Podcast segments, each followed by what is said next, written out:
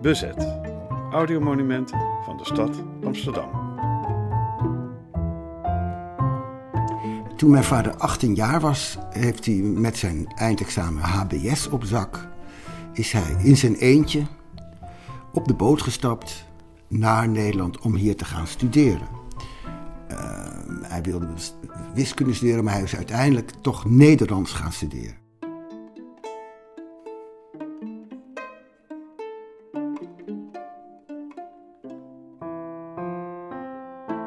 Jans kwam in de jaren 30 van Indië naar Nederland.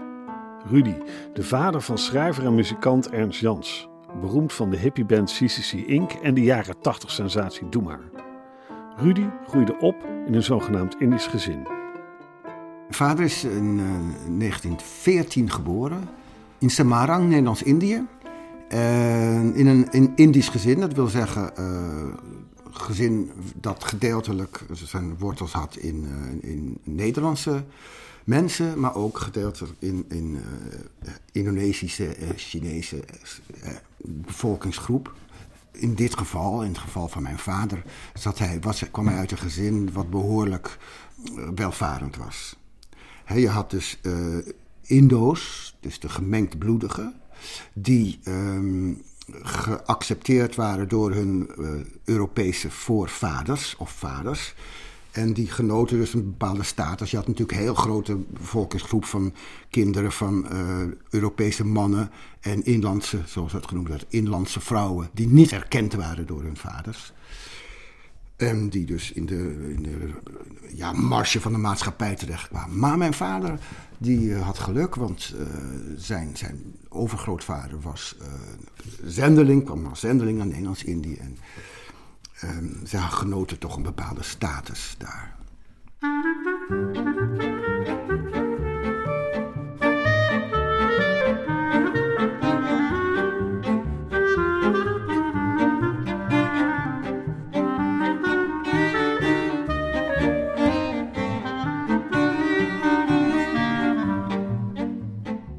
Vlak nadat hij in Nederland kwam, is hij in Den Haag gaan wonen. En daar uh, ja, werd hij verliefd op de Hollandse meisjes. En vond het helemaal fantastisch hier in dit land. En, en ja, aan de zee. Het, was hij was helemaal euforisch van. van uh, hij genoot van het leven, zal ik zo zeggen. Hij, hij, um, er zijn foto's van hem waarin hij een prachtig pak uh, staat te poseren als een beetje een dandy-achtig iemand. Uh, hij kwam wel uit een welgesteld gezin, maar ze hadden het niet breed. Dus mijn grootouders, zijn vader en moeder, die uh, stuurden hem elke keer geld voor zijn studie, die ze uit hun mond gespaard hadden, dat geld. En wat deed mijn vader toen hij mijn moeder pas leerde kennen? Hij nam maar mee van het geld wat zijn ouders hem gestuurd hadden voor zijn studie. Naar Parijs ging hij met haar en kocht haar daar een hele gloednieuwe garderobe. Inclusief jasjes, uh, schoentjes, uh, een, een, zeg zelfs een, een, een, prachtige valies en, en uh, hoedjes, verschillende hoedjes. En er zijn ook prachtige foto's van mijn moeder voor, de, voor de Eiffeltoren, op de Champs-Élysées en overal waar maar... waar hij maar haar kon fotograferen met die nieuwe outfit, heeft hij haar dus vereeuwigd. Prachtige foto's zijn dat uh, allemaal geworden. Maar zo, zo iemand was mijn vader dus. Hij, uh, hij was ergens al een rebel natuurlijk. Uh, dat hij dat maar, of een beetje een boefje. Dat hij dat gewoon deed van dat geld wat zijn ouders hem gestuurd hadden voor zijn studie. En ondertussen kreeg hij dus de hele brieven van zijn moeder, met name van... Oh Rudy, en waarom antwoord je niet? En hoe gaat het daar? En je studeert toch wel braaf en... uh, dat deed hij dus kennelijk niet zo heel erg braaf. Maar hij antwoordde ook nauwelijks. Dus, dus was het toch echt wel een beetje een, ja, op dat moment voor zijn ouders was dat natuurlijk een beetje lastig. Laat ik het zo zeggen. De dame die Rudy daar in Parijs van een nieuwe garderobe voorzag, was Johanna Brecht, Jopie voor Intimi. Ze kwam uit een heel ander milieu dan Rudy, vertelt Ernst. Uh, vlak voor haar twintigste verjaardag, dat, dat was dus in 1937, ontmoette hij mijn moeder. En um, Mijn moeder was een ras-echt Amsterdamse en kwam uit een uh, straatarm gezin. Er zijn brieven van mijn vader uh, waarin hij aan zijn ouders schrijft hoe het is om met een meisje uit de arbeidersklasse om te gaan. Ernst moet even zoeken. Zijn computer staat ook zo vol met verhalen. Maar dan heeft hij hem. De brief die Rudy aan zijn ouders in Indië schreef over Jopie's familie. Mijn God, mijn God, waarom heerst er op deze vervloekte schepping van u toch zoveel misverstand en onwetendheid? Ik heb Jopie lief, mijn moeder. Ik heb Jopie lief omdat zij voor mij de verpersoonlijking van het lijden betekent. Ik probeer zo gebrekkig als het gaat haar terug te geven wat ik als bezitter haar klasse heb ontnomen. Nu ik weer in nauw contact leef met deze arbeidersklasse, nu ervaar ik weer de ellende die zij moeten lijden. Nu merk ik weer pijnlijk wat zij missen. Nu zie ik weer dat schril contrast tussen hen en de rijkeren. O, als je midden in de ellende zit, dan voel je de rebelsheid in je branden om met één revolverschot de heerser van deze vervloekte samenleving af te maken als een schadelijke dolle hond neer te leggen. Die afschuwelijke man die zich christen noemt, maar naar petroleum en bloed ruikt. Vergeef me deze onbeheerstheid. Het is het kleinzielig gescheld van een machteloze.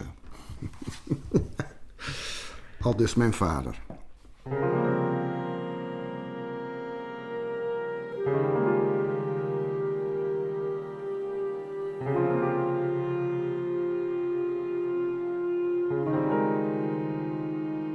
oorlogsdreiging begon voor Rudy zoals die voor alle jonge Nederlandse mannen begon: met de mobilisatie. Ook Rudy moest onder de wapenen. Hij werd opgeleid tot hoogtemeter. Dat is iemand die vliegtuigen in de lucht kon peilen. Hij werd gestationeerd in de duinen bij IJmuiden. En dat hij een groot talent had voor zijn taak bleek wel toen de oorlog in mei 1940 echt uitbrak. Zijn bataljon wist maar liefst 35 Duitse vliegtuigen neer te halen, zo wil de overlevering. Dit succes mocht niet baten. Nederland capituleerde en Rudy werd als vele andere militairen krijgsgevangen genomen. Op 14 mei pakten ze hem op om hem negen dagen later weer vrij te laten. Niet lang na dit avontuur trouwen Rudy en Jopie. Jopie had twee broers die communist waren en Rudy liet zich door de idealen meeslepen en volgde zijn schoonbroers in het verzet. Eerst was hij vooral bezig met illegale krantjes maar al snel werd zijn werk een stuk serieuzer. Het getrouwde stel woonde inmiddels aan de Alexanderkade nummer 1 boven in Amsterdam. Ernst heeft zijn moeder over deze tijd nog geïnterviewd en leest voor. Toen we op de Alexanderkade woonden, heeft Rudy ook persoonsbewijzen vervalst op de kamer en bracht die kinderen weg naar onderduikadressen. Er was een meisje bij van veertien, die gaf hij bijles. Ze was verliefd op hem, dat kind. Op onze verdieping woonden ook twee Joodse mensen. Een oudere baas met een jong vrouwtje, Liesje heette zij. Ze hadden pas een baby. Toen kreeg ze een oproep. Ze moesten zich melden bij de Schouwburg op de plantage Middelaan en ze zijn gegaan. Toen heeft Liesje gezegd: Willen jullie voor ons kindje zorgen? Want wij wisten een onderduikadres, mensen die het wilden hebben. Wij hebben het meegenomen en naar Utrecht gebracht. Het was vreselijk. Ze was zo dol op dat kindje. Ze zijn gegaan, hebben zich aangegeven. Ze hadden het idee dat ze misschien nog wel terugkwamen. Ze zijn nooit teruggekomen. Er waren er wel die niet gingen, die het gevoel hadden: we komen er niet meer uit. Maar de meesten gingen trouw naar de schouwburg. Zo zijn ze in de val gelopen. Ze konden wel onderduiken, maar hebben het niet gedaan. Dat was het vreemde van alles. Vraag is natuurlijk waar ze die kinderen onderbrachten. Het communistisch verzet van de broers van Jopie bood een netwerk, maar minstens zo belangrijk waren de Indonesische contacten van Rudy. Indonesiërs die hier in het verzet zaten, dat zijn eigenlijk studenten geweest en anderen die al voor de oorlog in Nederland waren. Dus die hadden zich verenigd in de, de Perimpunan Indonesia, dat is de Indonesische vereniging. En um, zij, zij bereiden eigenlijk de onafhankelijkheid van Indonesië voor. En um, toen de oorlog uitbrak, toen is die hele Perimpunan Indonesië is en masse in het verzet gegaan. Omdat zij wel uh, zij dachten van als, als het uh, fascisme, als we dat niet aanpakken, dan, dan komen we nooit bij ons doel. Dus eerst Nederland bevrijden van de Duitsers en dan Indonesië. Dat was hun slogan. En ik weet wel dat die Indonesiërs, die, die waren echt gespecialiseerd in het onderbrengen van, van onderduikers. En die opereerden vooral op de Veluwe. Ik ben natuurlijk een beetje aan het uitzoeken van, van waar dan precies en hoe precies. Uh, ik vermoed in die kleine plaatsjes zoals Stroe en Hierde. Want daar gingen we later op vakantie. Dus ik vermoed dat daar een soort van link lag tussen het verzet en dat ze elkaar kenden. En wij logeerden dan ook op vakantie op zo'n boerderij. Ja, waar kenden mijn ouders die dan van? Waarschijnlijk uit het verzet.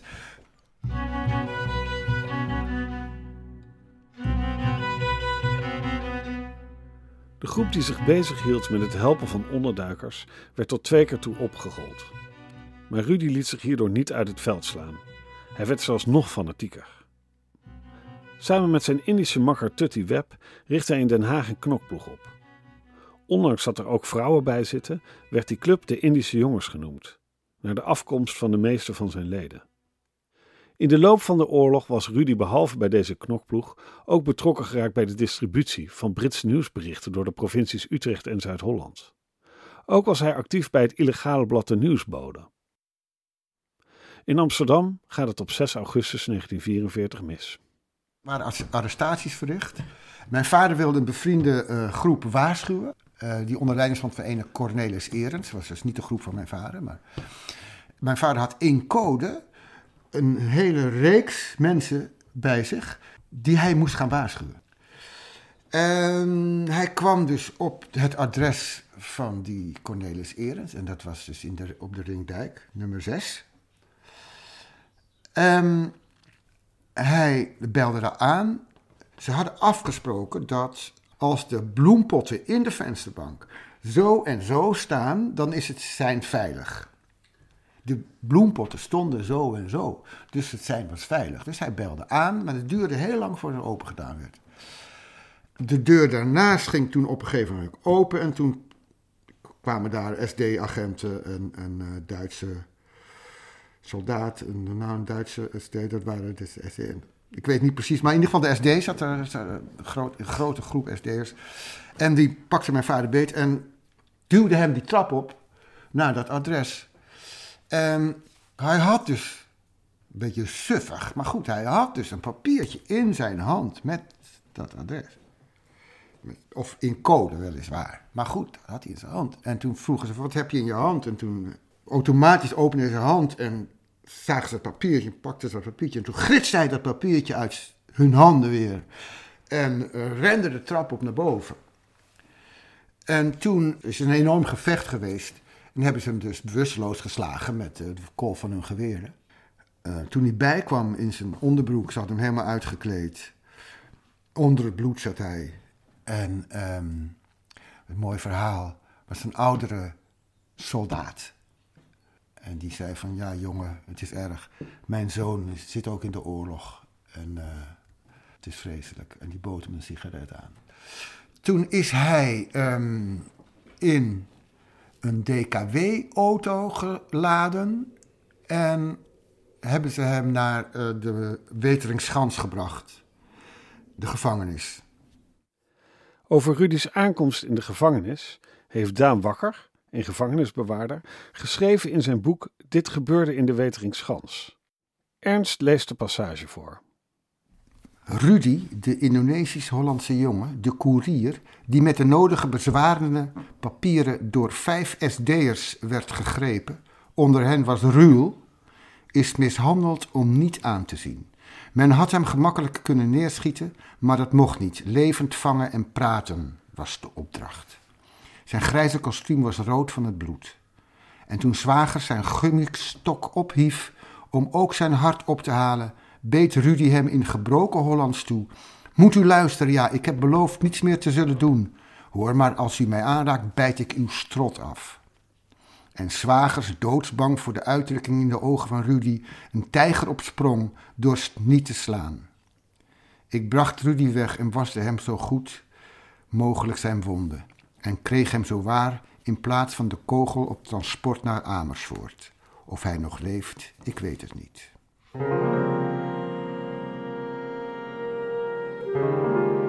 Bij de knokploeg in Den Haag schrokken ze hevig van de arrestatie van Rudy. En ze beramen een manier om hem door een overval te kunnen bevrijden. Als generale repetitie plannen ze een overval op een distributiekantoor van voedselbonnen, midden in Den Haag. Deze overval slaagde. Ze hebben die, die distributiebonnen in tassen gedaan en op de fiets zijn ze er vandoor gegaan naar een, een, een uh, pand in Den Haag. Uh, waar de moeder van een van die meisjes die meedeed aan de overval woonde. Mijn moeder heeft daar ook aan meegedaan, die overval. En uh, toen ze die, net met die tassen naar boven waren, zag een van hen door het raam een meisje dat hun kennelijk op de fiets gevolgd was, naar, naar boven wijzen, naar hun toe, tegen een agent, politieagent. En toen wisten ze van zijn verraden. En die jongens zijn toen in allerlei over het dak gevlucht. En die meisjes die konden niet meer wegkomen. Die zijn allemaal, de, de SD was uh, razendsnel ter plekke. En die zijn allemaal ingerekend en um, zijn terechtgekomen, de meisjes, in het Oranje Hotel in Den Haag, waar ze opgesloten gezeten hebben.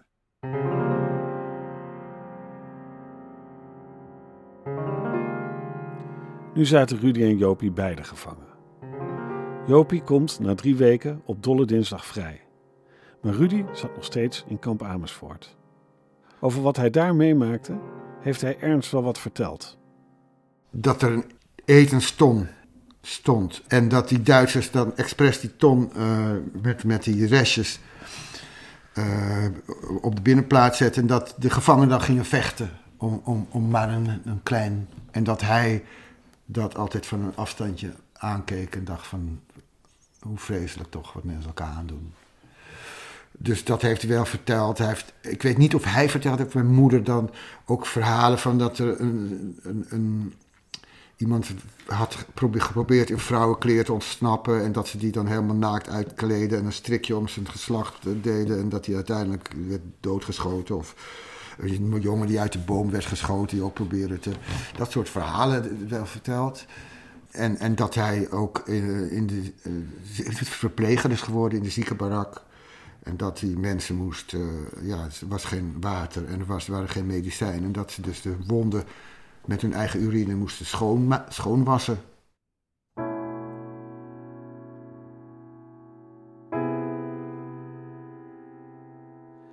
Na de oorlog zat Rudy niet stil. Hij ging meteen aan de slag met zijn volgende missie: de onafhankelijkheid van Indonesië. Een ingewikkelde kwestie, aangezien hij in Indo was. Er is een uh, briefwisseling van mijn vader met zijn, zijn vader, mijn grootvader, uh, die nog in Indië zaten na de oorlog. Waarin zij uh, het, het, gaan hebben over de, de positie van de Indo in de Indonesische samenleving. En mijn vader voorziet dat als eenmaal Indonesië vrij is, dat de, uh, de positie van de Indo, de gemengdbloedige, precair zal zijn. Wij zullen het nieuwe Indonesië moeten helpen opbouwen, willen wij daar nog een plek krijgen om te wonen. Mijn grootvader, um, die bekijkt natuurlijk alles van de andere kant, want hij zit daar en komt met, met argumenten over de positie van de Indo's. Heel interessant. Maar mijn vader is, uh, is overtuigd van je, Indonesië zal vrij worden. Goedschiks of kwaadschiks. Als het kwaadschiks zal gaan, als Nederland Indonesië niet zal erkennen, als, dan, dan vallen er offers. En hij zegt, mijn vader zegt, die offers die zullen vallen als, als in dat geval. En, uh, maar één ding is zeker, Indonesië wordt op een gegeven moment zal onafhankelijk worden. En um, hij strijdt daar ook voor. En dat wordt hem natuurlijk niet in dank afgenomen door de hele Indische gemeenschap.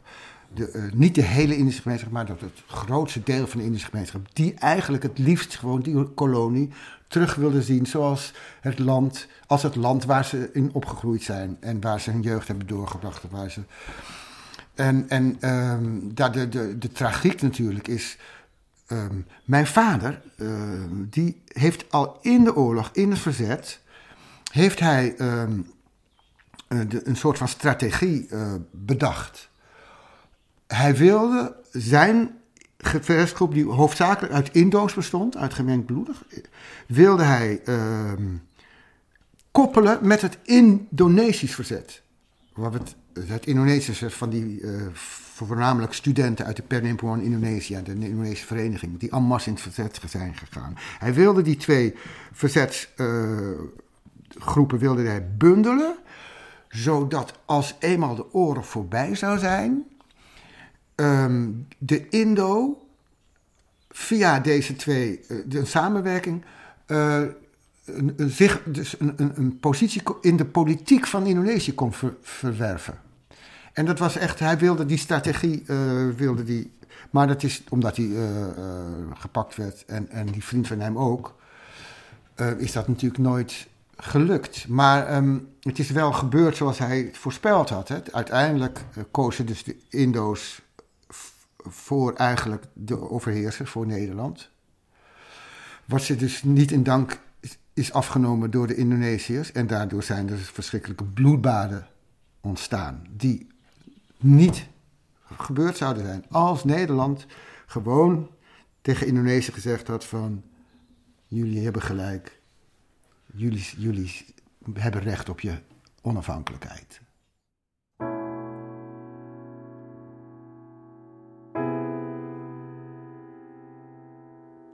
kampervaringen en de teleurstelling in het grote bloedvergieten bij de onafhankelijkheid van Indonesië.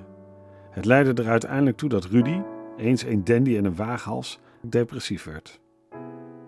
En daar waren wij natuurlijk als kind, werden wij daar dagelijks mee geconfronteerd. Op een gegeven moment kon hij niet meer werken. Dus hij bleef, hij zat gewoon thuis. Hij zat thuis achter de kast. De kast was, de grote kledingskast was een anderhalve meter van de, de muur afgeschoven. En daar stond een schemerlamp en een stoel.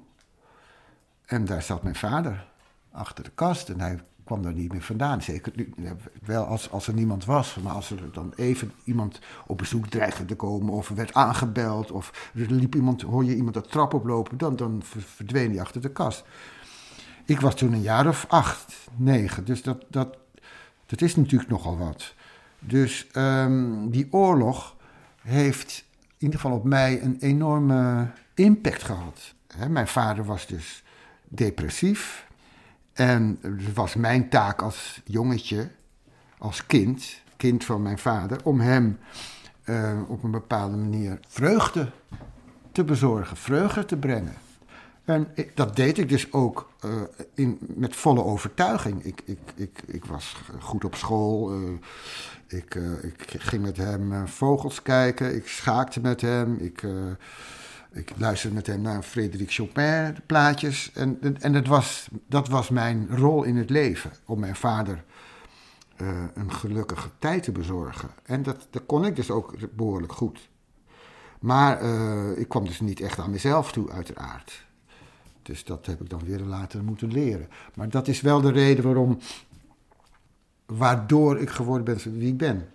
En eh, waarom ik ook nu nog steeds in, in deze tijd waarin wij nu leven, ja, bepaalde overtuigingen heb meegekregen van eh, eh, je moet staan voor, voor rechtvaardiging en rechtvaardigheid. En je moet mensen helpen als het kan. En je moet, eh, ehm, ja, dat soort dingen.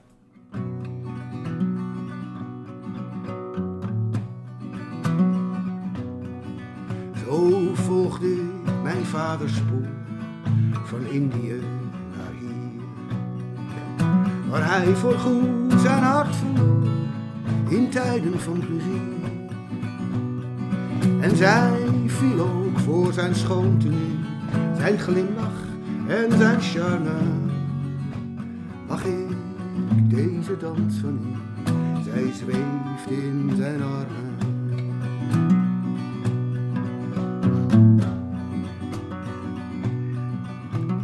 Ben je mooi, heeft hij gezegd.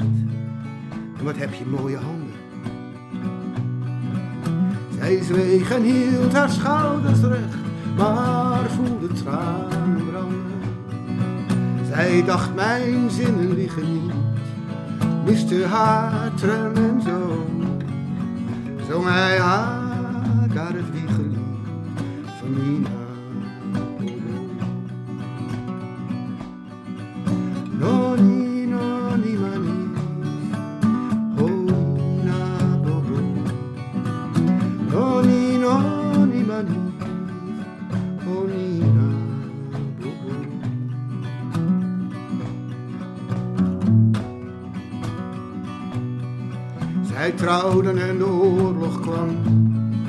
Met onderdrukking en geweld.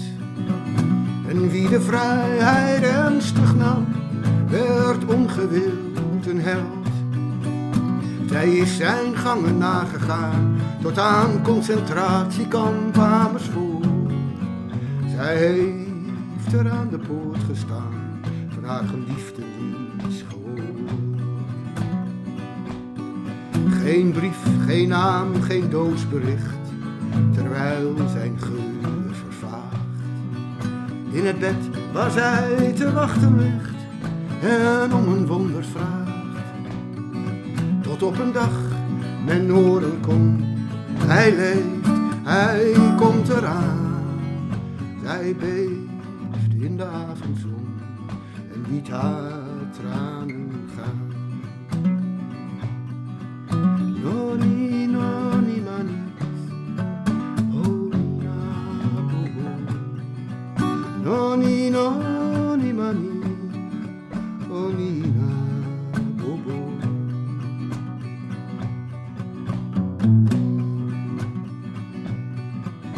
Gestreden voor het vaderland werd hij een oorlogsheld. Door minachting en misverstand, ten slotte toch geveld.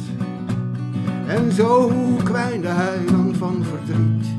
Zij hield hem vast en zo zong zij hem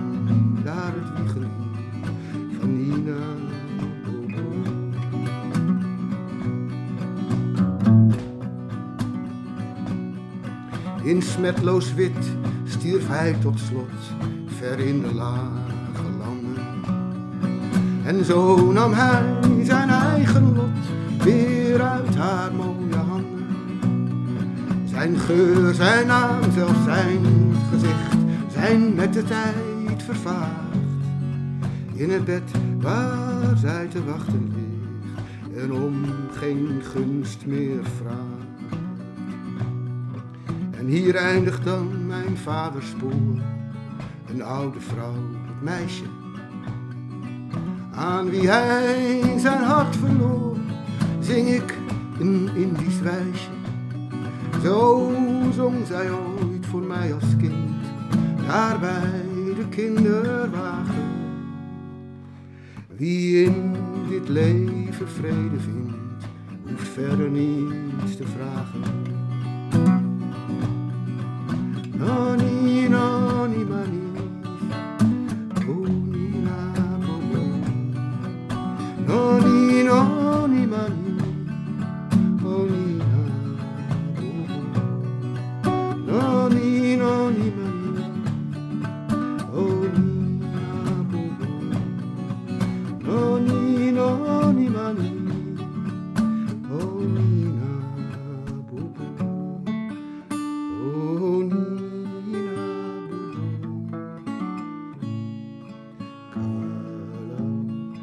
Aida bobo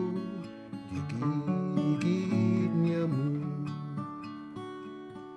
Marilaw bobo Noni, noni mani